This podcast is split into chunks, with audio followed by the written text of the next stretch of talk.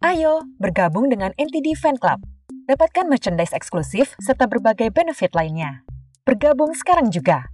Hubungi WhatsApp 0813 8080 2513. Anda sedang mendengarkan podcast NTD Kehidupan. Selamat mendengarkan. Pentingnya sikap positif dalam hidup. Ada seorang pria miskin yang tinggal di sebuah gubuk kayu. Setiap hari dia bekerja mengumpulkan kayu bakar.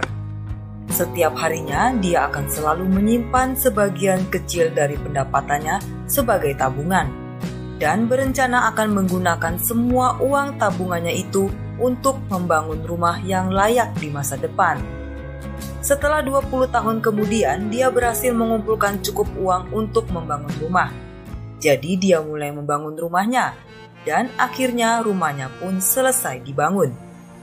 Dia berencana mengadakan selamatan dengan membagikan makanan kepada tetangga-tetangganya sebelum memasuki rumah baru tersebut. Di pagi hari saat dia akan pindah ke rumah barunya, dia pergi ke pasar dan membeli beberapa makanan untuk dibagikan kepada tetangga-tetangganya.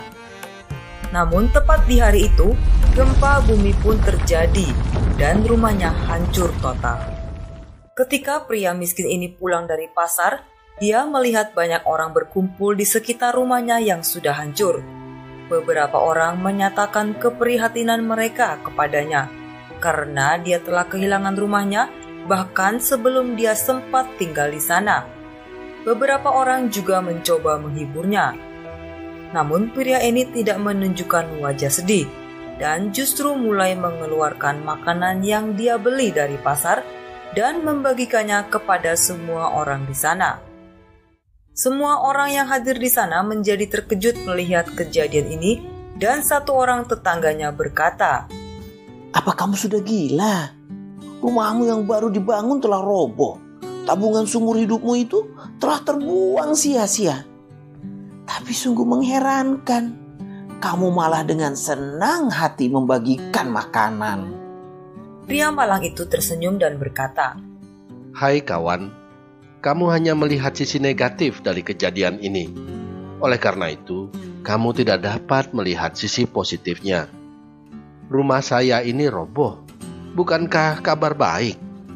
Bagaimana jika rumah itu roboh setelah saya tinggal di dalamnya?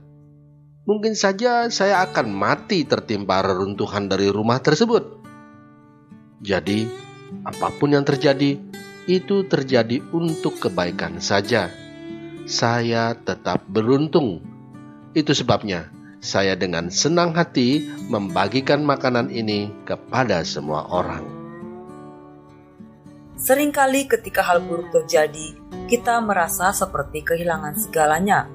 Namun pada saat itu, jika kita tetap berpikiran positif serta mampu melihat sisi positif di tengah kejadian yang merugikan, kita akan dapat menghadapi situasi itu dengan lebih tenang, lebih baik, dan karenanya tetap ingat untuk bersyukur.